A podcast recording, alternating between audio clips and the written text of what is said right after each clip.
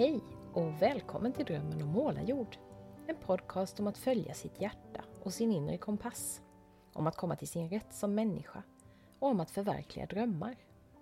Jag heter Maria Estling Wannestål och i podden möter jag personer som brinner för olika saker. Som har vågat lyssna inåt och känna efter vad som är viktigt för dem. Som går sin egen väg genom livet. Jag inspireras av deras berättelser och tankar och det hoppas jag att du också ska göra. I poddens 58 avsnitt har jag spelat in ett samtal med en alldeles nyfunnen vän, Erik Malm. Vi träffades under den nationella omställningskonferensen i Växjö som jag pratade om i avsnitt 55 med Rob Hopkins, hela omställningsrörelsens grundare. Erik är en kille som precis som jag funderat mycket över tiden och vad vi använder den till. Och framförallt hur den skulle kunna användas bättre för att möta de behov som finns i samhället. Det finns många som behöver hjälp, men så få som har tid att hjälpa. Just nu är Erik mitt i det tre månader långa projektet Jag har tid, där han erbjuder sig att hjälpa människor och organisationer i vår hemstad Växjö. Framförallt med saker som rör hållbarhet och mänskliga möten. Om det projektet och om vad som ledde fram till det får du höra i vårt samtal. Välkommen att lyssna!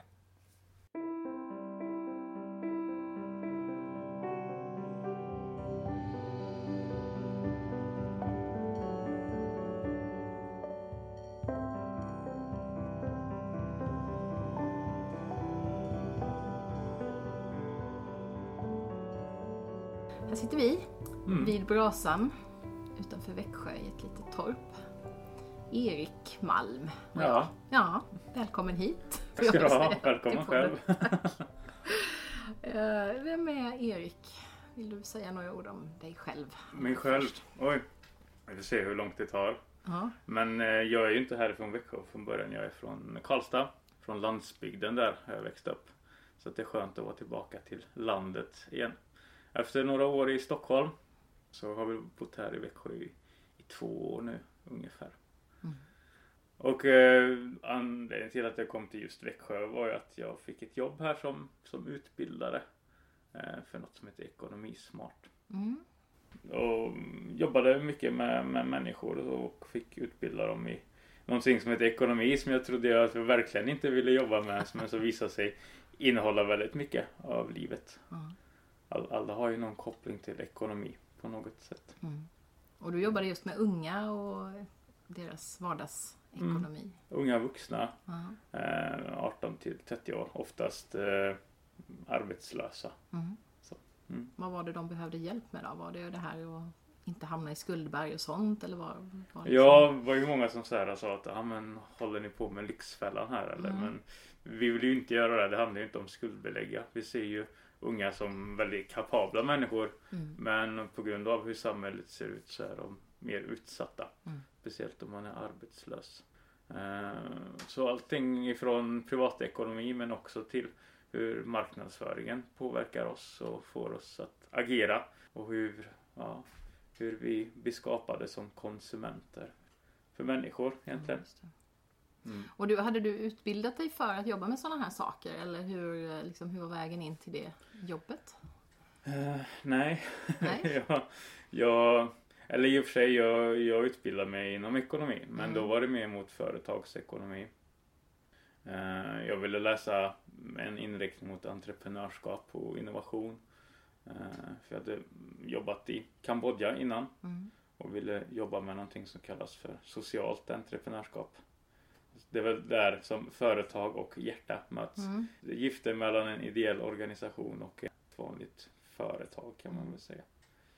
Det där tycker jag är, så, det tycker jag är jätteintressant för jag har nog alltid haft en fördom om företagande. Trots att min pappa var småföretagare och liksom, Mm. vi hade det ju aldrig fett eller så. Men jag har alltid haft någon slags konstig förvrängd bild av att företagare vill alltid bara tjäna så mycket pengar som möjligt. Mm. Så jag hade jättesvårt med den identitetsgrejen när jag gick från att vara statligt anställd till att bli företagare. Mm. För jag tänkte, ja men sån är ju inte jag.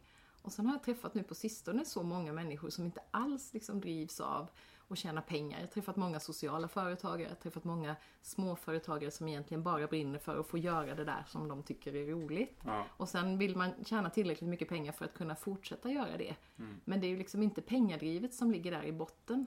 Och det har varit jätteintressant tycker jag. Att Mm. liksom vända på hela den steken. Att det behöver inte alls handla om eh, att hela tiden sträva efter eh, tillväxt och utveckling liksom, och bli stor och tjäna jättemycket pengar och kunna Mm. anställa massa folk. Sen kan ju det vara en positiv grej också att kunna anställa och ge, skapa arbetstillfällen förstås. Men, men det är ganska skönt och jag kan liksom acceptera mig själv i det då att okej, Ja. du kan vara företagande men du kan, företagare men du kan ha Ja. ett hjärta i det också på något sätt. Yes. Ja.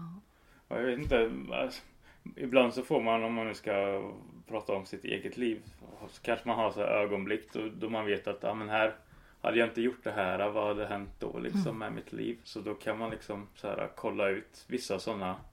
För anledningen till att jag hamnade i Kambodja handlar om att, att jag inte fick plats på en praktikplats. Ja. och hamnade någon helt annanstans istället. Så istället för att jag skulle hålla på med gerillamarknadsföring så fick jag hamna hos en organisation som höll på med kulturutbyten Ja. Och helt plötsligt så var jag i Kambodja och så fick jag upp den delen av världen. Så det är så intressant hur sådana här små saker som man liksom skapar där man Ja. är och där man är idag liksom. Ja, just det.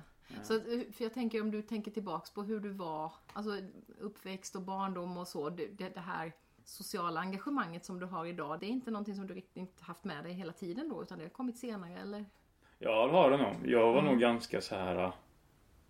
Jag gick nog ganska mycket under radarn tror jag Ja. när jag var tonåring. Ja, men strömmen verkligen Mm. ville inte sticka ut. Nej. Eller någonting alls. Men sen så hände någonting och det var nog att jag började resa när jag var 20 år. Mm. Nu, nu propagerar jag för att man inte ska flyga men när jag var 20 satte jag mig på flyget till, till Australien. Eh, från småbygden i Karlstad. Alla, alla kompisar hade skaffat flickvänner och jag tyckte att det var ganska ja, tråkigt inrutat. Eh, men min syster hade åkt själv till Nya Zeeland några år innan så hon bevisade ju att det gick att åka Mm. själv. Så då satte jag mig själv också på flyget och Mm. hade aldrig bott hemifrån eller så. Så stack jag iväg. Mm. Och då fick man ju upp ögonen och perspektivet på, på helt andra saker Ja. som man inte har tänkt på förut. Vad var det du såg i Australien då, som du inte hade reflekterat över hemma? Eh, Det var väl mycket att träffa andra. Ja, nu är ju inte, det är ingen helt annan kultur. Jag är ju fortfarande västerländskt men det var första gången jag träffade på någonting som heter WOF, Willing Mm. Workers on Organic Farms. Mm. Eh, Och kunde se att ja, men det här kan vi faktiskt ge sin tid till och lära sig jättemycket av. Mm. Och få se en helt annan livsstil än den man kanske är van vid. Mm. Så det var nog ganska mycket en ögonöppnare. Mm. Och sen har du gjort sådana, du har woofat på fler ställen efter det, eller hur? Mm. Ja. Både i Sverige och Australien och i, i USA bland Ja. annat. Och nu senast i Slovenien där jag var i, i somras. Ja. Vad har du lärt dig? Det handlar väl om att, att se ett annat alternativ till en livsstil tror jag. Dels hur andra lever eh, men också att ja men är det så att det skiter sig att jag inte får ett jobb som jag vill ha eller då det finns det alltid en utväg att faktiskt få åka och woofa Mm. och klara tak över huvudet och mat. Och det är en jättetrygghet att veta att det finns verkligen. Mm. Eh, Så det, ja, det ger väldigt mycket. Och man kan göra det i hela världen så det finns inga stopp för, för möjligheter, Nej. känns det som. Har du tagit med dig sånt som du lärde dig där hem? För nu bor du ju på landet och Mm. odlar och sådär. Lärde du dig rent konkret saker som du kunde liksom ha nytta av här hemma eller? Ja, väldigt, Mycket väldigt teoretiskt. Ja. Eh, inte så mycket eh, omsatt i praktiken så Nej. länge. Men det finns mycket som vill ut och, Mm. och bara det här att få märka hur, hur man mår när man får jobba med kroppen. Ja. Vi har ju ett samhälle där vi kanske jobbar mindre och mindre med kroppen. Och hur påverkar det oss egentligen? Mm. För när jag får jobba med kroppen så jobbar min skalle mycket bättre. Mm. Eh, och tvärtom. Så att en sån grej, ja, bara få känna på liksom, vad händer med mig när jag är i de situationerna och verkligen se vad jag behöver för att, för att må bra. Och då händer det, handlar det om att få testa Ja. olika Ja, saker. visst. Men du, när du har varit iväg på de här eh, ställena, har ni varit många då som har varit där och jobbat samtidigt? Så det har blivit liksom som en community av volontärarbetare eller har du varit ensam eller hur Mm, lite ut? olika men eftersom jag har woffat en del så har jag väl märkt mer och mer att, att det är ganska mycket trevligare om det är Mm. andra woffare där också. Mm. Så nu senast i Slovenien så gjorde jag någonting som heter Workaway och det är lite grann som woofing bara att det är Mm. lite bredare perspektiv så det kan innehålla festivaler och vandrarhem som man jobbar Mm, på. som min dotter Sanna då som var i Skottland på Ja. Workaway och jobbade med att ta hand om en jurta till Ja. exempel. Så, mm, Precis. ja. Så då i Slovenien så var vi i en liten, liten by faktiskt. Där själva upplägget var att man skulle få dit ungdomar och hjälpa den lite mer åldrande befolkningen på landsbygden där. Mm. Och då kom det massa ungdomar och människor från hela världen till en liten, liten ja, by liksom ute Ja, i ingenstans. Och de här paret då, Jannes och Petra som startade det här har volontärat jättemycket. Så att de vet ju verkligen hur man. Ja just det, då skapar har en, de lärt sig Ja. vad som behövs för att det ska fungera bra. Ja. Hur man skapar en familj liksom. Och, ja, gav också egna workshops till oss som var där. Ja, för det, det är lite upplagt så att man, man är där liksom för att hjälpa till men också för att lära sig och det är en win-win grej egentligen. Mm, Så, att man ska absolut. få ut någonting av det. Det, arbetet. det är det som är tanken. Ja. Så jag vet inte, jag har väl min syster att tacka för, för just Ja, det Att du spåret. kom iväg överhuvudtaget. Ja. Vad tror Ja. du hade hänt om du hade stannat kvar hemma i Karlstad? Vad hade du Ja, gjort idag jag då? vet inte. Spelat bandy kanske. Spelat bandy. Ja, just det. det är ganska kul det där att tänka på sådana just Ja. eh, någon slags milstolpar eller så eller grejer som vände någonting som gjorde att Ja. man hamnade någon helt annanstans. Så jag fick ge min syrra ganska cred för liksom så här grejer. Ja. Och så, jag har ju en bror också. Ja, Och så bara, ja men så här har inte han gjort någon påverkan i mitt liv. Men så tänkte jag faktiskt på att han har gjort en minst lika stor påverkan. För när jag var runt 20, 20 års ålder så tipsade han om en, en projektledarutbildning som var i, i Arvika. mm. Som drevs av Arvika-festivalen och folkhögskolan där. ja. Som var uppbyggd på kaospiloternas deviser Learning by doing, learning by reflection, Mm. learning by burning. Och där hittade jag mig själv tror jag faktiskt. Ja. På den utbildningen. För att man fick testa så fruktansvärt mycket. Att jobba i ett projekt så får man ju testa på väldigt mycket. Och får verkligen testa vad man är bra på, vad Mm. man är dålig på, vad Mm. man tycker är kul. Och det hade jag aldrig fått göra annars. Och helt plötsligt så märkte jag att ja, men jag var ganska bra på att vara kreativ ja, och komma med idéer. Någonting som jag aldrig trodde på förut. det är ju jättehäftigt att upptäcka sådana Ja, saker hos sig själv. Ja. Och det var just en sån miljö som skapades där och då som gjorde det ganska tillåtet att få prova på väldigt Mm. mycket saker. Och att det var tillåtet att liksom göra fel och allting sånt där. Mm. Man kunde bara göra sitt bästa liksom. Mm. Och där någonstans hände någonting med mig på den utbildningen där.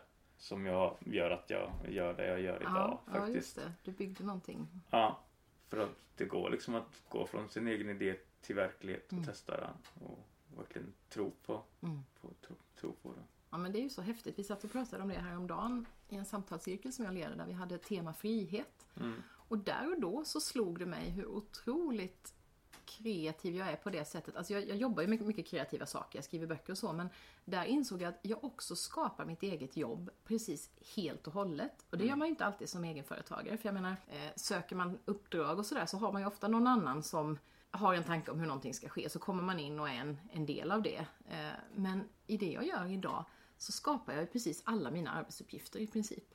Mm. För jag bestämmer att jag vill skriva en bok om någonting. Jag bestämmer att jag vill ge en kurs. Då bestämmer jag hur den kursen ska se ut. Det är inte någon som har köpt in mig för att göra en kurs på ett specifikt tema till exempel. Mm. Om jag vill starta en samtalscirkel så gör jag det utifrån de former och innehåll jag är intresserad av. Och det, det var en riktig sån, Ja, just det, fasen Mm. vad häftigt. ja, Att de här arbetsuppgifterna finns egentligen inte utan nej, de skapar jag helt och hållet själv. ja. Lite Vilken, ögonöppnare. ja, ja, vilken frihet Det är ju en enorm frihet, det är det. Ja. Sen är- följer ju det liksom baksidor med det också, för sen ska man ju hitta någon som vill ha det där då. Det är ju en annan Mm. grej om man har sålt in sig till någonting.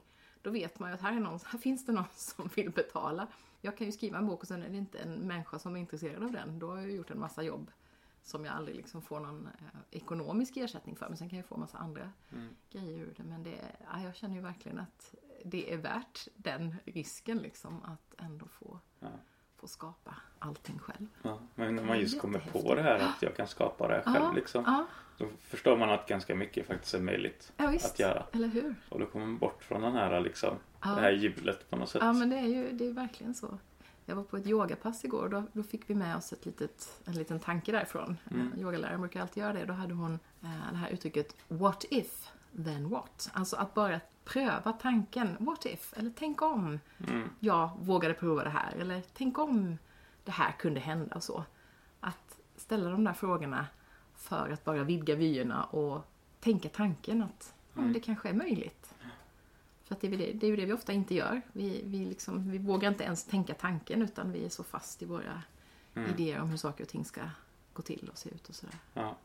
Det öppnar väldigt mycket. Det gör livet så himla spännande tycker jag. Ja. Att, när man börjar inse det, att så mycket man faktiskt kan Ja. skapa själv. Sen har ju vi förutsättningar som bor i ett sånt land där det också går att göra sådana grejer. Det funkar ju inte överallt såklart. Vi har ju fantastisk frihet i det också. Att vi ändå Mm.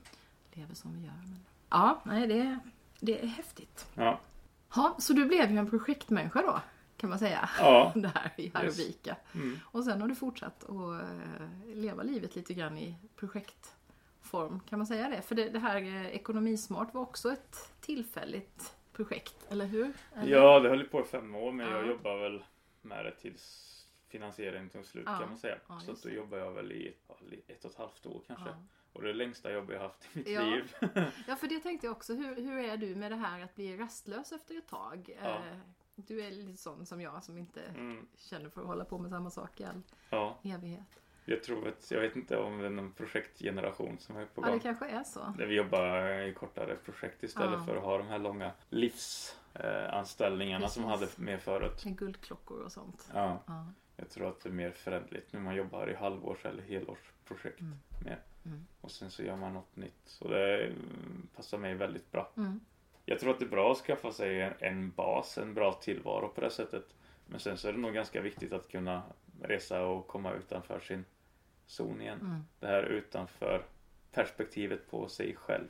Att komma ut sin bubbla. Just det. För det är ju ganska svår, svårt att göra det om man gör samma saker varje dag Ja, i väldigt många år. Så är det ju svårt att kliva utanför liksom. Mm. Så var, var, vartannat, var tredje år tror jag man ska göra en längre resa. mm. Och faktiskt få komma utanför sitt eget liv och upptäcka andra saker. Oavsett hur bekväm man är. Ja. Jag var ju väldigt bekväm innan jag reste iväg i somras. Men sen så tog jag med mig så mycket annat mer. Man får perspektiv på sitt liv och vad som verkligen betyder någonting Mm. och vad som är viktigt. Det är bra att få den Det påminnelsen. är väldigt bra. Mm. Och så kan man ju, jag tänker att jag har ju jag reste ju mycket förr, nu reser jag inte alls lika mycket fysiskt längre men jag gör ju hela tiden någon slags inre resa i det att jag går in och ut i projekt och eh, Mm. grejer och så. Så att det finns ju också det perspektivet att eh, ja, möta nya människor i nya sammanhang till exempel. Det kan ju också ge en, Mm. en resa på ett annat sätt. Ja. När man nu sitter fast i målarjord med massa barn Ja. och sånt. Ja. inte, inte Men, kan kasta sig iväg hur som Ja. helst. Men, men har man ett jobb eller någon får göra saker där man verkligen exponeras mot Mm. andra människor och andra situationer hela tiden. Så är det ju också på ett sätt som att resa ja, ja och berika sig. Och sen kan man ju ta sin familj med sig och woofa också. Det Ja. har vi ju funderat på också, att man skulle göra någonting sånt Mm. någon gång med hela familjen. Det skulle vara himla häftigt att åka någonstans tillsammans. Och, ja, det, en trusted house sitter finns ja, det något som heter ja, i målarjord. just det, precis. Ja, men det hade, jag hade ju en trusted house sitter när vi åkte till Alingsås i somras. Då Ja. hade vi vår gemensamma vän, gemensamma vän Kristel där som skötte om mina odlingar och sådär. Ja. Så hon har lovat det att den dagen vi skaffar hönor så, så hjälper hon till. Men du, nu Mm. ska vi prata om det här jättespännande projektet som du drog Ja. igång för ett tag sedan som heter Jag har tid. Mm. Och först och främst berätta lite om bakgrunden till det. Hur kom du på tanken? Jag tror att det var just det här äh, att kunna skapa sitt eget jobb. Mm. Eh, För jag har läst entreprenörskap och då handlar det om att skapa ett företag och något stort. Till att jag förut har jobbat med projekt och då får man göra små, små saker och Mm. testa dem. Och då kom jag på massa såna här grejer, såna här små saker som jag vill göra som jag tycker är bra för samhället. Men eh, det här går liksom inte att starta ett företag kring. Eh, sen så fick jag chansen att gå ner i arbetstid till 70% och då så här tänkte jag, ja men vad ska jag göra med resten av 30 procenten? Jag, har- Mm. jag vill engagera mig i någonting i samhället. Och då ställde jag en fråga på, på Växjös Facebook-sida. Ja, jag har mer, mer tid eh, som jag vill ge till samhället. Vad kan jag göra med den liksom? Mm. Så fick jag hur många förslag som helst Ja. på saker som finns liksom. Ja men det här behövs, det här behövs. God man, engagera dig mentor till mentor. Vinternatt finns liksom som hjälper hemlösa. Ja. Hur mycket som helst. Och just då kunde jag inte välja allt. Men det sådde ju ett frö vilket enormt behov det finns av Ja, människor som har möjlighet att ge av sin tid. Ja. Och då tänkte jag så här, ja, jag kan göra det här men det sådde ett frö. Vad skulle jag kunna göra med min tid om jag hade liksom 100% Ja. av min tid istället? Alla de här idéerna som jag skrivit ner genom åren, alla saker som det finns behov av i samhället och alla de som gör också. För de behöver ju också stöttning för att de är ju för få. Och då bara, ja. Ska jag start- starta ett jobb kring det? Hur ska jag göra det? Och då tänkte jag så här, ja men då om jag gör allt det här, ger dem min tid och tid är väl på något sätt dagens hårdvaluta som Verkligen. vi värdesätter mest. Mm. Då kanske det är någon som är beredd att betala för det. Någon som tycker att ah, men det här är bra för samhället. Ehm, och då kanske de kan betala 50 spänn för Mm. det. Ehm, så då föddes idén om att jag har tid och att då kunde man kanske crowdfunda en slags basinkomst Mm. på det sättet. Just det, och crowdfunda för de som inte vet vad det är, det är alltså att man samlar in pengar från folk som tror på en idé och så Ja. hjälps man åt att bidra. Precis. Var och en behöver inte bidra så mycket men om man är många så Ja. kan man ändå få ihop. Mm. Absolut. Och då kan man crowdfunda i, i pengar men också i närsamhället så kanske man kan få mat och man kanske kan få eh, träning från någon som äger ett gym eller, eller sådär. Mm. Och då kanske det är möjligt att göra det här i, i tre månader som Mm. jag tänkte. Och verkligen så här eh, testa, testa små saker för att se. Och sen bara bevisa att, eller inte bevisa, men visa på. Här får jag tillgång till 100% tid i tre månader i samhällets tjänst. Vad kommer hända? Vad kan jag göra? Och bara lyfta upp det. Och sen eh, visa på att, ja men tänk om fler får tid. Hur, hur kommer vårt samhälle se ut och fungera då? Ja. För jag menar att vi måste skaffa oss tid in när vi har sådana fruktansvärt stora utmaningar Mm. framför oss. Finns inget som är viktigare, alltså vi står vid ett stup och så ska vi fortsätta i samma stil. Det går ju inte, vi måste ju verkligen testa nytt. För mig handlar det om att vi måste få mer tid till de här sakerna och det är det jag vill lyfta upp. Så det var egentligen både en personlig grej att du ville du ville få möjligheten att göra de där grejerna och Ja. sen också lyfta det som ett samhällsfenomen då att här Mm, kan vi lära oss någonting ja, tillsammans också. Ja. verkligen. Vilka är det du vänder dig till nu då? Vilka är det som får av din tid? Ja, jag kan inte ge till he- hela världen. Så att jag har väl eh, tagit det till där jag bor liksom, som är i, i Växjö kommun. Mm. Har du några sådana kriterier för vem som kan få be om tid hos dig? Kan vem som helst göra det? Ja, alltså jag tycker att alltså, det är ganska lätt för mig att erbjuda min hjälp men det är ännu större att, att fråga om hjälp kan jag tycka. Och då är det klart att är det någon som frågar om hjälp så ska man ju värdesätta att någon gör det och, och hjälpa den personen. Men sen så är det klart att det är skillnad på, på vad jag hjälper till med. Om det är någon som vill ha hjälp med att jag var på en radiointervju i början och försökte, ja men kommer du att tvätta min bil då? Ja, lite sådär kanske. Ehm, Men det kan handla om att någon kanske vill ha hjälp med att söka jobb. Och nu imorgon så ska jag hjälpa en. Nu handlar det om att en bil faktiskt. Ja, Men eh, han behöver byta vinterdäck eh, till vinterdäck. Men har liksom skadat sin rygg så kraftigt så han kan inte göra det. Det är ganska häftigt att man ställer frågan på sociala medier och ber om hjälp. Och blir så fruktansvärt glad när Ja. någon bara så här. Han har förlorat, han sa att han förlorar hoppet lite grann om mänskligheten. Att vi bara tänker på oss själva. Så att så här, bevisa att det verkligen finns medmänsklighet kvar. Att vi har den här altruistiska sidan att människan vill faktiskt göra gott. ja, för det finns ju till och med forskning som visar det. Ja, Att vi mår bättre om vi gör bra saker och hjälper andra och är ja, snälla mot varandra. Så Ja. att, ja, och det är ju modigt också tänker jag, att just att be om hjälp då. För det är vi Mm. ge- generellt sett ganska dåliga på, tror jag. Många av oss, att vi ska till varje pris liksom klara oss själva och fixa och dona. Och så drar vi in i väggen då istället. ja. För att faktiskt stanna upp och be om hjälp när vi behöver det. Ja. Mm. Jag jobbar på det, försöker bli lite bättre på det. Men ganska kass också. Det kan ju vara sådär om man, ja, men om man blir riktigt sjuk någon gång. Då kan jag inse det liksom att ja, tänk här ligger jag i soffan och jorden snurrar ändå. Det blir mat lagad och saker händer liksom. Mm, det tror jag vi är ganska många som behöver träna på. ja. Att både ge andra hjälp och att också be om hjälp när vi, Mm. Behöver det. Men sen har du, eh, har du varit i kontakt med en del organisationer och sådär också så att det är ju inte, det är inte bara privatpersoner utan det är ju kanske i första hand organisationer som du ja. tänker att du hjälper? Jag stöttar de som gör kan man säga. Mm. Eller, alltså, allting handlar ju om att skapa ett hållbart samhälle. Det är mm. ju själva grunden i det här. Ja. Men eh, det finns ju fruktansvärt många som gör, speciellt i Växjö. Det händer mm. jättemycket spännande saker. Mm. Och då liksom, det är dumt om jag ska hitta på andra saker som andra redan gör. Så istället samarbeta eller hjälpa dem i deras mm. verksamhet. Och då är det väl ja, men det är de här större organisationerna som Röda Korset kanske. Eh, nätverket SIP har jag pratat med en hel del. Mm, som står för samhällsförändring i praktiken va? Ja, det gör det nog. Jag jobbar väl framförallt med funktionshindrade ah. människor. Universitetet har jag pratat en hel del med lite studenter där ute. Omställning Växjö, omställare. Mm, mm. Diakonicentrum eh, var du ja. pratade med också va? Yes, mm. absolut.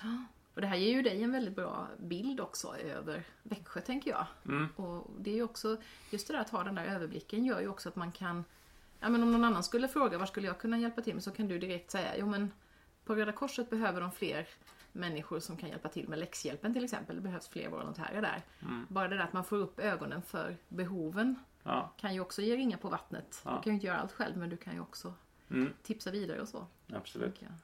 Så jag jobbar försöker jobba mer med sociala medier mm. och blogga.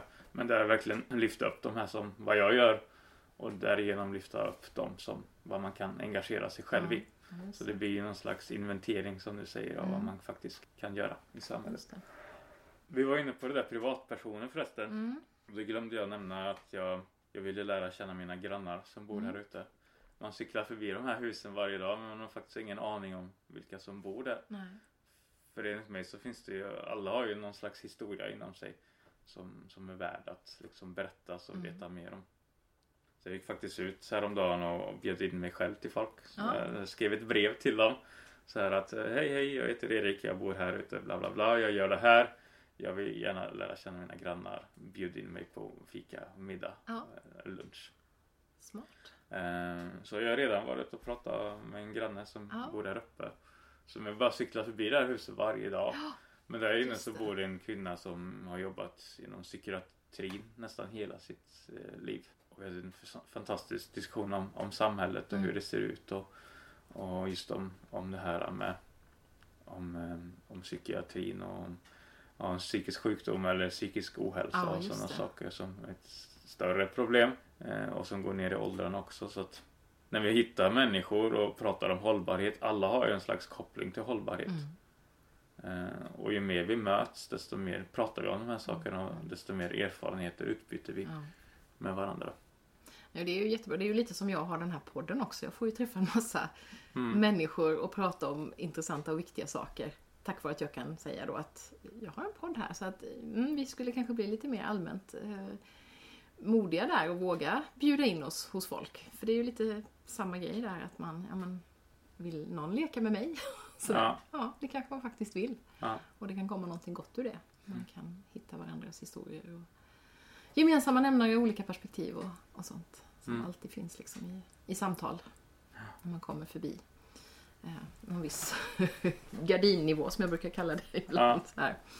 Som, ja, Sara brukar prata om det att vi, någonstans hände det där när vi var på väg mot 40 att vi liksom slutade prata om gardiner och började prata om livet istället. Mm. Jag tror inte vi hade, just vi hade inte pratat så mycket om gardiner tidigare heller men det kan ju bli så ibland att det stannar liksom på det väldigt praktiska eller ytliga men ibland behöver vi ju komma under mm. ytan också. Mm. Du, någonting som du har gjort också som jag vet om det är ju jam sessions. Ja. Det, bara det namnet är ju jätteroligt ja. tycker jag. Vad, vad gör ni när ni gör jam sessions? Ja, egentligen så, så, så kommer väl jam session från musiken så att det är väl en del kanske har anmält sig till det här evenemanget i tron om att de ska spela någon instrument. Men um, Jam Session handlar väl mer om att, att upptäcka de resurserna som finns i, eh, runt omkring i samhället. Framförallt för naturen i form av, av eh, frukter och bär och sånt där. Så det vi gör helt enkelt är att vi går ut och samlar ihop bär och frukter. Och sen så samlas vi och gör jam, alltså syltar och saftar eller gör allt möjligt. Och jam session är ju eh, begreppet från musiken handlar ju om att man samlas och skapa någonting. Ja. Och det är inte förutbestämt. Så det är ju en kreativitet som kan ske där också. Man det. måste ju inte göra just sylt utan det kan ju Nej. Det kan bli hända. lite vad som helst. Ja. Den här, de där bären. Eh, Och det första vi gjorde var ju äpplen och då gick man ju runt och knackade på hos grannarna och frågade om deras äpplen och de blir så här, ja vadå, vad, vad, ja men vad bra att någon kommer att ta hand om det här liksom. Ja, visst. Jättebra. Istället för att de ligger där och blir dåliga. För så är det ju ofta om man har som vi en stor trädgård med jättemånga äppelträd. Man tar hand om en del men man har omöjligt eh, tid att ta hand om allt. Nu blev Ja. det inga alls i år men Yes. förra året var det ju så. Och liksom man lär känna sina grannar Ja. och det är inte så ofta vi knackar på hos varandra liksom Mm. och säger hej. Och sen att man just samlas och gör någonting tillsammans eh, som är kreativt och Mm. Där man tar tillvara på resurserna som man har upptäckt ute i naturen. Ja, just det. Och ni hittade också berg i ett bostadsområde, eller hur? Ja, Ja. det var Lena som jobbar, som kom från Omställning Växjö som tipsade om att det fanns aroniabär eh, Mm. i ett bostadsområde. Och när vi kom dit så var det fullt med bär överallt. Och förmodligen ingen som visste vad man skulle använda de där Nej. bären till då. Nej. jättebra att man kan plocka ätbara Ja. saker i, i närområdet men så är det ingen som plockar dem. Nej. Och aroniabär är väl liksom ett så här super, Ja, visst är det ett av de där jätte, jättenyttiga. Ja. Ja. Ja. Eh, Så har vi plockat de här aroniabären och sen så har vi också varit ute på en mosse i närheten av universitetet, eller precis bredvid universitetet och plocka tranbär. Ja. Som jag inte ens visste fanns här i Nej. Växjötrakten. Ja, Bara det, man får upp ögonen för att det finns så mycket runt omkring. Mm. Det är lite som jag med min svamp i år. Jag har bott i Målarjord i 19 år nu och jag har liksom bara plockat svamp ut med vägarna och bara precis de jag har känt till. Och så i år bestämde jag mig bara för att nej, nu jädrar, nu ska det bli, nu ska jag ta den här svampplockningen till ja, en ny nivå. Så jag har gått ut i skogen och jag är liksom borta utanför stigarna och jag har plockat svampar jag inte alls eh, kände till. Så nu har jag lärt mig både smörsopp och citronskivling och mm, lite av varje och har fyllt precis hela frysen. Gick på ett ställe som jag inte gått tidigare och hittade flera, flera kilon med fårticka. Så Ja. massor med sånt i frysen. Och Det, ja, det är jättehäftigt. ja, Att upptäcka hur mycket som faktiskt finns bara Mm. sådär. Som ingen tar hand om. ja, Sen måste man inte ta hand om allt. Det kan ju få finnas där bara för att det finns också. Men det är ju, och med tanke på just att vi är så beroende av eh, import och, och liksom att kunna gå och handla i affären så är det ju, tycker jag, jag blir så lycklig över det här att ja, men det finns ju en massa mat som jag kan fixa alldeles på egen hand. Liksom. mm. Ja. Sverige. Sverige är väl täckt av, vad är det, 17 eller 18 procent blåbärsris Ja, liksom. bara det ja. ja det har vi också plockat i år. Och det är dumt att vi ska köpa dem frysta när Ja. de har varit i Polen och tillbaka. Ja, så korkat. Lite sådär. Ja. Eh, Men en del av det här handlar ju om att, att skapa möten mellan människor. Mm. Hållbara möten kan man väl säga. Mm. För att vi försöker få till möten mellan folk som kanske inte träffas annars. Nej. Här har det varit studenter och folk från omställning men också ehm, ganska, som har kommit ganska nyligen till Sverige. Mm. Bland annat folk från Iran. Och då samlas och träffas över Ja. de här gränserna och Ja, kanske minska segregation och utbyta erfarenheter och idéer. Och då tar man ju hand om de andra resurserna Ja. som finns i samhället. Som Ja, är, visst, så det blir integration och hållbarhet liksom i ett paket där. Det är Ja. jättehäftigt. Och du har ju en tanke, det tänkte jag du skulle få berätta lite också om det här med folkkök. För det bygger ju också på både hållbarhetstanken och integrationstanken, eller hur? ja, Vad är ett folkkök? ett folkkök. Eller jag har inte läst på precis vad ett folkkök är men för mig handlar det om att, att man kan ta tillvara på matsvinnet som vi slänger. Mm. Vi slänger väl ungefär ja, en 30-40% mat eh, i världen. Eller i Sverige i alla fall. Och då ta tillvara på de här resurserna som finns där från matbutikerna. Och sen eh, samla människor och laga mat och bjuda på mat Mm. till andra människor. För mat är ju verkligen så här i- iberfundamentalt. Ja, det är ju något som vi måste Ja, fixa på något sätt Ja. ändå. Och att mat är en ganska naturlig del för oss att komma samman. Ja. Men det är ju ofta häftigt också tycker jag, om man är någonstans i ett sammanhang där man har en, man har en uppgift man ska lösa. Om man träffar människor som man aldrig har känt så blir det ju mycket naturligare än att bara sätta sig och prata. Sådär, nu ska vi laga mat tillsammans. Då blir det liksom en massa samtal Ja. i görandet där och det är ganska häftigt. Och det är en jättestark kultur med mat. Ja. Det var väl, jag lyssnade på någon måltidsforskare på sommar, i sommarprogrammet med det P1. Ja, det går på. P1. Ja. Mm. Och han sa att egentligen så skulle människan kunna äta typ frolic, Mm. men hundmat och Ja. få i sig alla näringsämnen. Det. Men det finns en anledning till att vi inte gör det. Nej. Utan just det här att, Så att laga mat och ja. samlas tillsammans. Ja, så att, visst. att det är väldigt kulturellt eh, fundamentalt för oss. Och så pratar du också om det här att det finns ju massa människor som bor till exempel nu på flyktingförläggningarna där man då inte har möjlighet att laga mat. Man kommer med massa Mm. matlagningskunskaper men det finns inget kök där så man kan inte utnyttja dem. Nej. Eh, Så det är väl också en jättebra grej att, att få använda liksom sin kompetens och, och Ja. få, bara det där och få göra någonting vettigt och inte bara Ja, sitta av tiden. Liksom. Så det finns så många, det finns så många positiva grejer med en sån idé. Ja. Jag tänker på verkligen de som kommer hit till Sverige och som kanske inte har en utbildning. Och så kanske vi kollar skeptiskt på dem och tänker, ja men vad kan de här tillföra Mm, vårt mm, samhälle egentligen? Ja men kanske varit hemmafru i, i 30-40 år och eh, uppfostrat barn och Ja. lagat mat. Eh, och ja men du vet, de har ju en, en fruktansvärt bra kompetens. Ja, eh, som vi förbiser helt Ja, liksom. ja, men det är ingen som frågar efter den för den, den är liksom inte värt någonting då. Vad har du för utbildning och vart Ja. har du jobbat förut? Nej, men Ja, jag var... För att, men det, det, då tänker jag, det finns, ju, det finns ju just den kompetensen. Ja. Eh, och den skulle man kunna göra så mycket mer av Mm. om man ville det. Ja. Och vad skulle hända om någon frigördes och inte är fast i det systemet Nej. som vi har idag liksom? Nej. Där man ska... Visst, det är bra att lära sig språket och sådana saker men alla har ju någonting att tillföra samhället. Ja. Så är det. I väntan på att lära sig språket och man kanske inte heller måste kunna jättemycket språk för att kunna Mm. bidra med sina andra kunskaper ibland. Så att, Ja. mm, nej. Och en grej är ju att ja, vi har brist på tid nu. Mm. Men eh, vad var det? Keynes och de här ekonomiforskarna på ja, slutet på 20-talet, 30-talet. När det var den djupaste depressionen. Ja. Började de prata om att ja, men 100 år, då kommer det vara tvärtom. Då kommer vi, Vi har gjort oss själva överflödiga. ja, liksom. då kommer Ja, vi lida för så vi har sån Ja. tristess Ja, med så mycket tid. ja, För att vi har blivit så effektiva. Men, Så vad hände där Ja. Vad gjorde vi istället då? och jag tror att de här 100 åren, ja om några år så har det gått 100 år. Ja, Om vi får leka med tanken att men folk får helt plötsligt hur mycket tid som helst.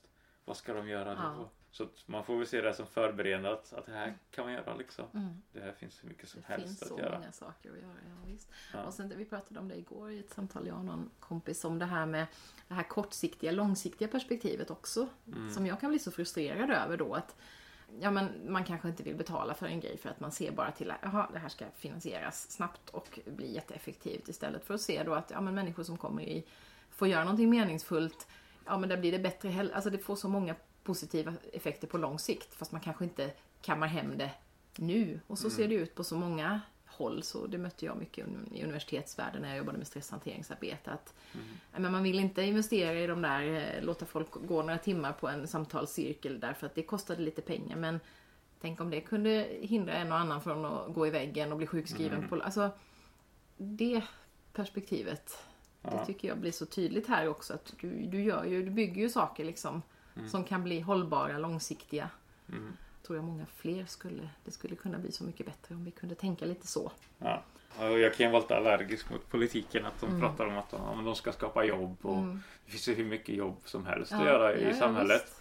Och ska vi räkna på vad klimatförändringar kommer kosta oss i framtiden Mm. eller vad det kostar att någon är arbetslös till Ja, exempel. visst. men så, så är man arbetslös men så finns det hur mycket jobb som helst att Mm. göra i samhället. Mm. Just de här samhället som vi har byggt kommer med enorma kostnader. Ja.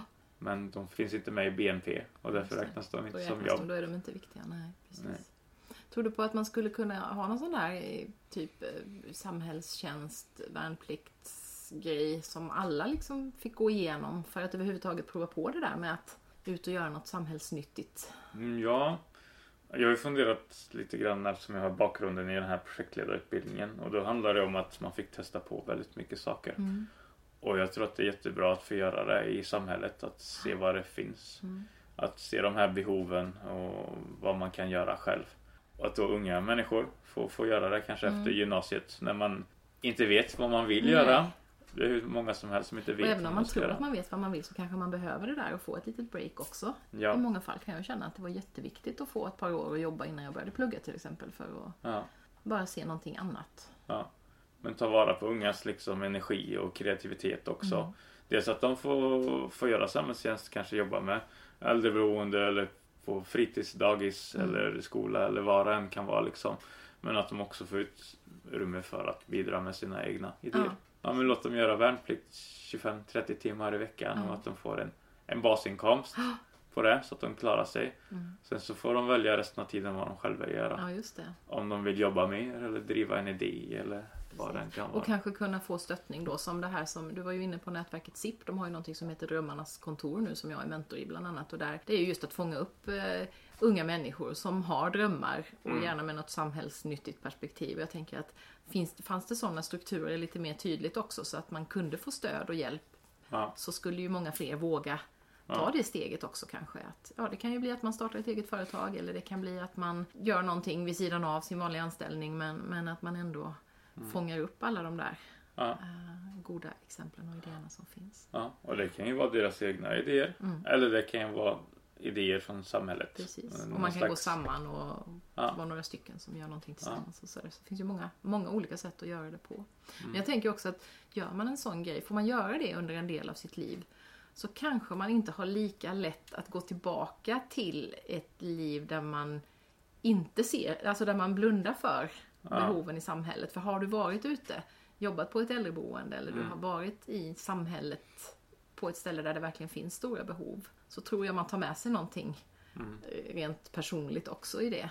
Att absolut. du har en annan syn på Mm, kanske dig själv och din roll.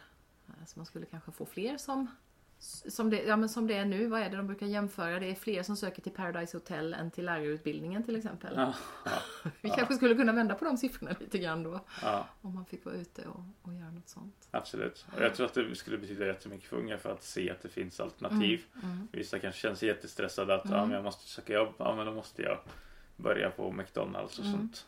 Precis. Och McDonalds brukar väl tas upp som ett exempel av De någonting ger- som kanske ja, inte är så hållbart. Nej, Men det är jättebra för unga. De får ju Ja. sitt första jobb här. precis. Men skulle inte det första jobbet kunna vara något annat som är verkligen gagnar samhället istället? Precis. Jag såg någon sån reklamfilm häromdagen och så tänkte jag åh vad är det här för något fantastiskt och så slutade det med att det var på McDonalds då som jag har lite svårt för men, men, men det var just det där att vi, vi tar emot alla och vi skapar en grund för väldigt många unga och det är väl bra i sig men som du säger man skulle kunna göra det på, på andra sätt också Mm. som inte gynnade just McDonalds kanske. Ja, Ja, nej, men det, det är jättespännande för det är ju lite det, alltså det är ju det där att bygga.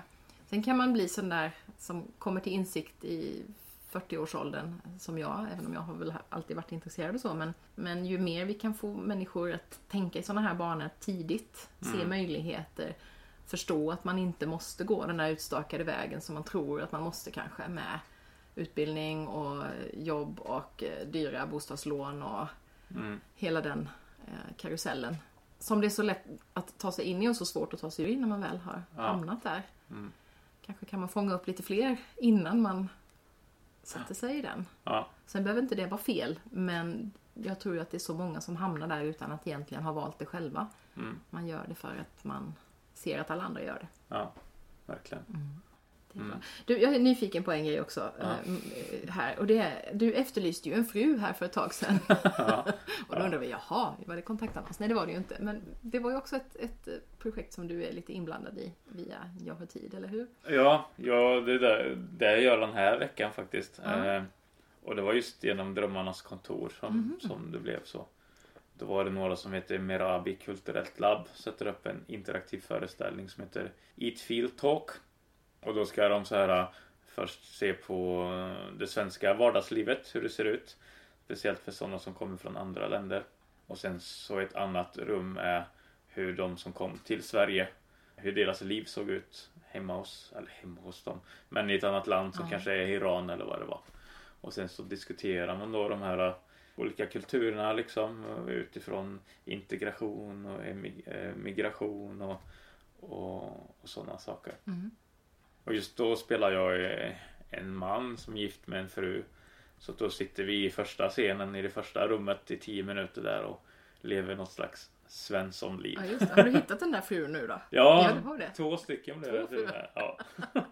Eh, så det, ja, det är jätteintressant. Ja, spännande. Och, och att man liksom får Det skapar ett sånt utrymme till en diskussion Ja, som är visst. så viktig. Just det här kring Man måste ha en förståelse för hur deras liv såg ut innan Mm. de kom hit också. Mm.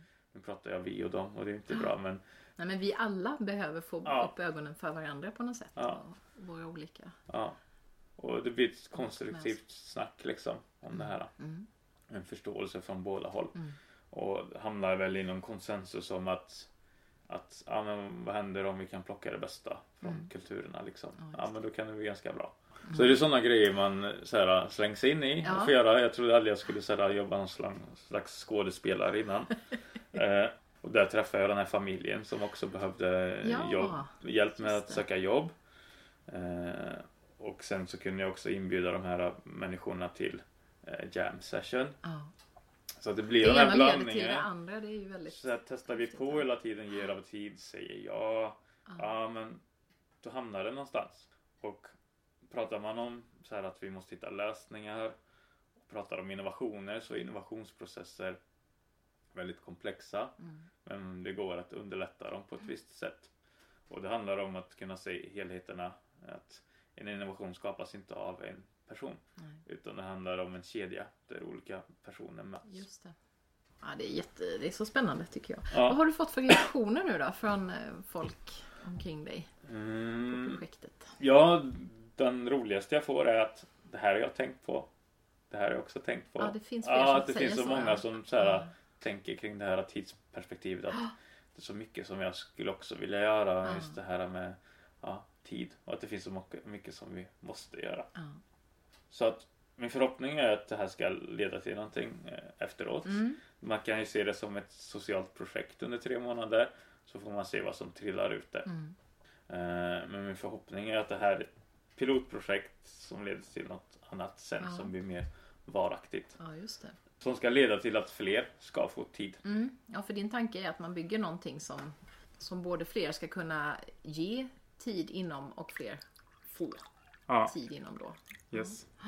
Tänker du att du ska söka liksom, eh, projektmedel? Finns det sådana att söka? Eller hur tänker du att du ska finna? För nu finansierar du ju det här via donationer och sponsring av olika Mm. människor som tycker att det är ett bra projekt och så. Men eh, om man ska bygga något större, behöver man finansiering i mer eh, Mm. fast form då kanske? Det behöver nog konkret, alltså om man ska starta en ideell organisation Mm. kring det. Mm. Ska man starta en utbildning kring det? Ska man testa en, om, en här, om man nu ska ha civil värnplikt i miniformat för att Ja. visa att det här går att göra. Ja. Eh, ja, det är klart att det behövs Ja. projektpengar till det. Ja, just det. Så då får man organisera sig. Men Mm. det finns en tanke kring att jag crowdfundar här i tre månader. Mm. För det finns inga eh, restriktioner kring hur jag måste jobba eller någonting som måste mätas. Krav från finansiärerna liksom. Ja, just det. Det är ju det som är baksidan då så fort man gör ett sånt mer regelrätt projekt. Att det alltid finns en massa. Det blir ju en del administration kring det också förstås. Ja. Yes. Mm. Eh, Så det finns en tanke med att göra det här ganska fritt i tre månader Mm. för in, innovationsprocessen eller vad man ska kalla det. Men sen så vet jag att det här måste ju struktureras upp Ja. senare. Men dokumenterar du så att du den dagen du kanske ska söka pengar eller så. Dokumenterar du så du kan visa liksom det här har jag gjort och det här blev resultaten och sådär eller hur? Eh, Ja, jag, dels så skriver jag blogg och sen Mm. så fotar jag, dokumenterar och lägger upp på Facebook. Mm. Och sen så skriver jag också dagbok Mm. hyfsat ofta. Så jag hoppas att det är en hyfsat Finns bra en dokumentation. Ja. Eh, sen så är tanken att jag ska ha kontakt med några som heter SROI. Som är Social Return on Investment. Eftersom man kan, om man pratar om att man investerar pengar så vill man ha någonting tillbaka. Mm. Social Return on Investment pratar mer om det här eh, besparingen av, av samhällskostnader, Ja. liksom vad man får tillbaka. Eh, och då går det att mäta på olika sätt också. Kan vara bra att veta lite grann hur man kan mäta. Mm. Fast jag tycker att det mäts alldeles för mycket. Ja, Men för ju- att realisera vissa saker så kanske man måste visa på Ibland måste man ju göra det. det här tjänar alla på. Liksom. Ja, precis. Men det var ju ganska roligt igår. Vi var ju på ett möte tillsammans med den här Vi i Växjögruppen och då fick vi hälsa på hos Medborgarkontoret. Och där berättade ju de att de har ju minimalt med statistik över vad de gör. De tar, ja, man får eh, registrera besöken, vad det var för ärende och sådär. Och kanske man, kvinna tror jag. Mm. Men i övrigt så, så ägnar de mesta tiden åt den praktiska verksamheten och inte så mycket av den här eh, dokumentationsprocessen som jag till exempel i skolan kan tycka har blivit helt in absurdum nu. Ja. Att lärare har inte tid att jobba med eleverna längre för de ska dokumentera allting och så. så Mm. Det är ganska befriande och skönt att höra sådana exempel. Att det finns också Ja. platser liksom, där man kan få jobba på och allt måste inte Mm. dokumenteras in i detalj. Sådär. Och i grund och botten, det? handlar nog om tillit. Liksom. Mm, ja. Och, och, och det behöver vi skapa mer av i Ja. samhället. Mm. Och det är det som gjort att Sverige har varit så fantastiskt bra för att vi har skapat en tillit. Men det känns som att den är Mm. på väg bort är lite grann. mm, Och tilliten skapar vi genom att umgås tillsammans Mm. över gränser Ja, mellan åldrar och hjälpa varandra och visa att det finns Mm. goda intentioner. Mm. Men också tilliten till att en lärare får vara en lärare Mm. och att inte de måste bevisa hela tiden för vad han har gjort och att det här leder till det här målet, bla bla bla. Mm. Det här har man ju tagit bort i Finland bland annat. Mm. Där får ju lärare vara lärare. Mm. Jag jobbade på Arbetsförmedlingen förut. Där sitter de kanske 70 procent av sin tid och loggar i en dator för Ja. att visa vad, vad man har pratat om. Att Ja, se att ja, men det här vi har pratat om leder till det här beslutet. Mm. Det går att liksom visa på. Och ja, det är bra. Det är ju rättssäkert att visa på byråkratin och Mm. byråkrati är både bra och dåligt. Visst. Men vad skulle de här människorna kunna göra med den här tiden istället? Och faktiskt hjälpa Om man vände människor. på det och hade 30% dokumentation och 70% Ja, samtal istället till exempel. Ja. Nej men det är väl därför det man, många av oss har bilden av att det inte händer så mycket på, på Arbetsförmedlingen just för att Mm. det är så mycket byråkrati. Och man skulle ju önska att mer kunde ge praktisk ja. handling snarare än det administrativa. Och byråkrati är ju både bra och dåligt. Men det skapar en oflexibilitet Ja. inför privata personer. Men däremot så ger han ju alla samma. Alltså det är, Mm. det är ju jämlikhet där i Ja, för att alla får samma Mm, bemötande. visst. Eh, och samma beslutsåtgärd. Nej, det är, det är jättekomplext. Så det... Om man tänker, du lite om framtiden här och att, att ehm, försöka göra någonting större av det här. Om du tänker tanken att du skulle tillbaka till ett helt vanligt jobb idag. Mm. Hur känns det i magen då? Eh, både och. Jag tror att det är ganska mycket som skapar ångest hos människor. Att de vill göra en sak men sen så krockar det med Ja. med någon slags verklighet. Jag måste ju ha ett, ett jobb medan jag söker projektansöker Mm. och såna här saker. Men jag hoppas att jag får testa på saker i det här projektet som jag kan tänka mig att jobba med. Eh, om det nu är för en ideell organisation, om det har någonting med eh, socialt företagande att göra eller om det handlar om äldrevård. Det Mm. kan vara vad som helst. Mm.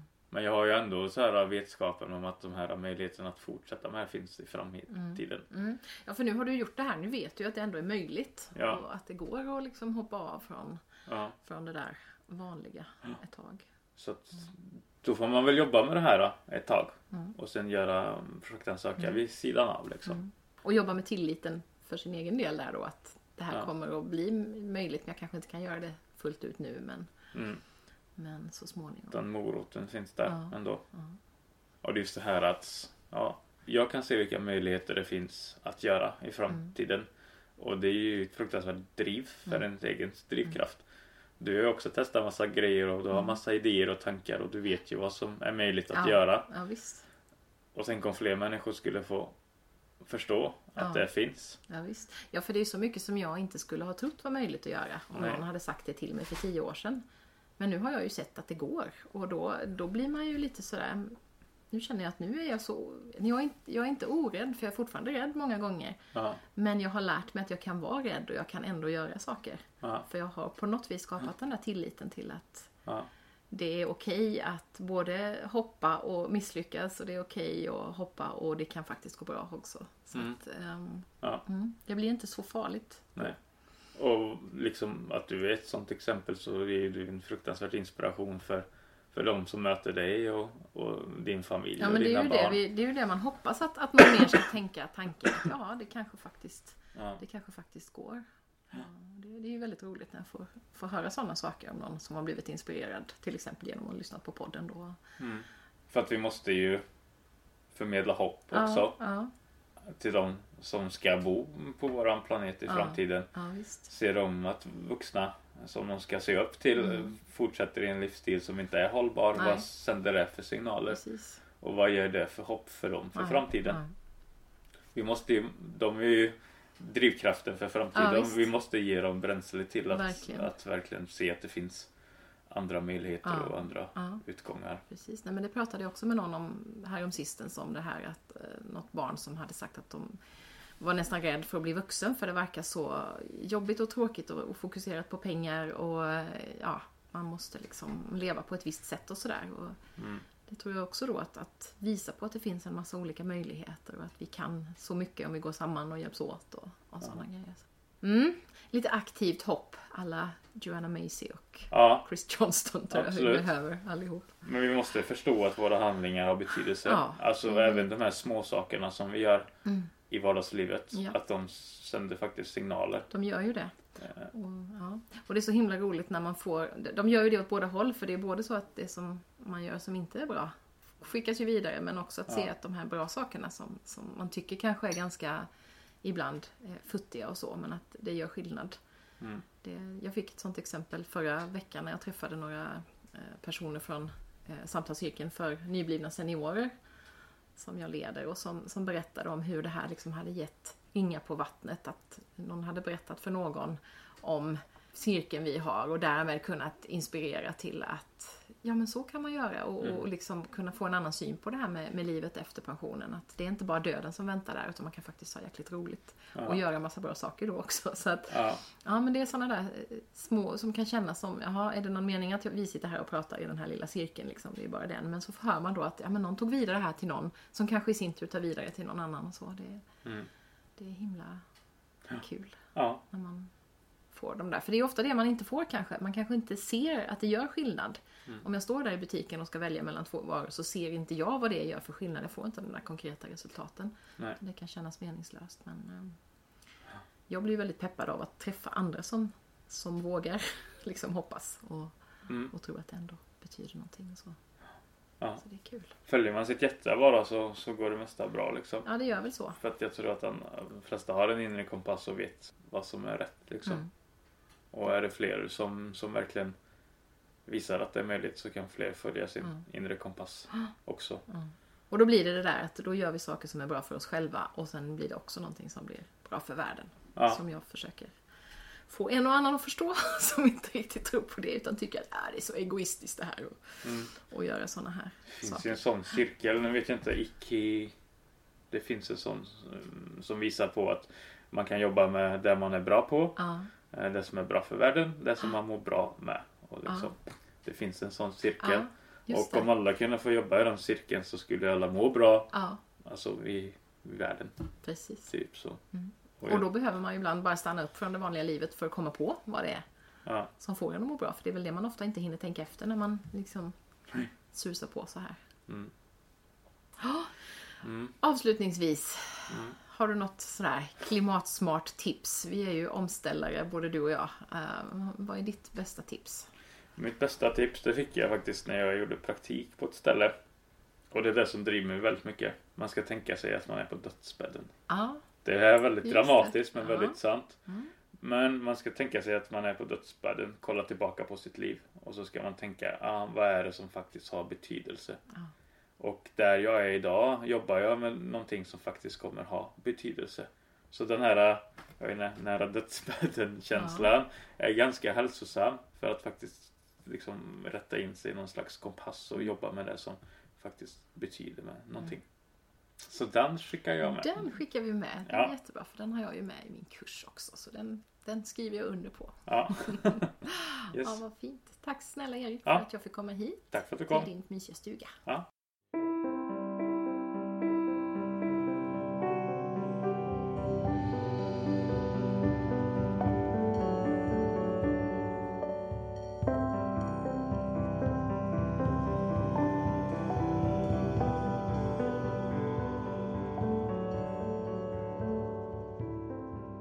Kan läsa mer om Erik Malms projekt på jaghartid.wordpress.com och på Facebook. Jag blir så glad av att möta människor som Erik. En ung person som har vågat känna efter vad som är viktigt för honom och som har kommit fram till att det finns mer i livet än att skaffa sig ett prestigefyllt jobb där man tjänar massa pengar och en dyr bostad. Det var ju också just det som Stefan Sundström, min poddgäst i förra avsnittet, sa var det som gav honom hopp om framtiden. Unga människor som vågar gå emot samhällets förväntningar och normer. Om du bor i Växjötrakten och vet om något ställe där Eriks tid skulle kunna komma till nytta, prova att kontakta honom. Om du känner att det här är ett projekt som du vill stötta, då vill du kanske ge honom en liten donation eller bjuda på en middag. Alla uppgifter finns på webben, som jag också länkar till. Till sist tänkte jag passa på att ge ett julklappstips. Ända fram till och med julafton får du julrabatt på min webbaserade självreflektionskurs Den inre kompassen. I kursen får du utforska just din inre kompass för att bli bättre på att följa ditt hjärta, leva mer medvetet och mindre efter andras förväntningar och göra mer positiv skillnad i världen. Med andra ord, utveckling och hållbarhet för både dig och planeten. Till din hjälp får du inspirationsföreläsningar, guidade meditationer, övningar och reflektionsfrågor. Och du läser helt i din egen takt. Varför inte köpa den inre kompassen som julklapp till dig själv eller någon som du tycker om? Du kan läsa mer och höra mig berätta om kursen på deninrekompassen.se. I nästa avsnitt ska du få möta Ulf Wallgren, nyhetsankaret på Rapport som hoppade av och blev yogalärare. Om hans livsresa om vad yogan har betytt för honom och om hur den kan hjälpa andra handlar poddens avsnitt 59 som kommer om ett par veckor. Tack för att du har lyssnat idag och varmt välkommen tillbaka. Hejdå!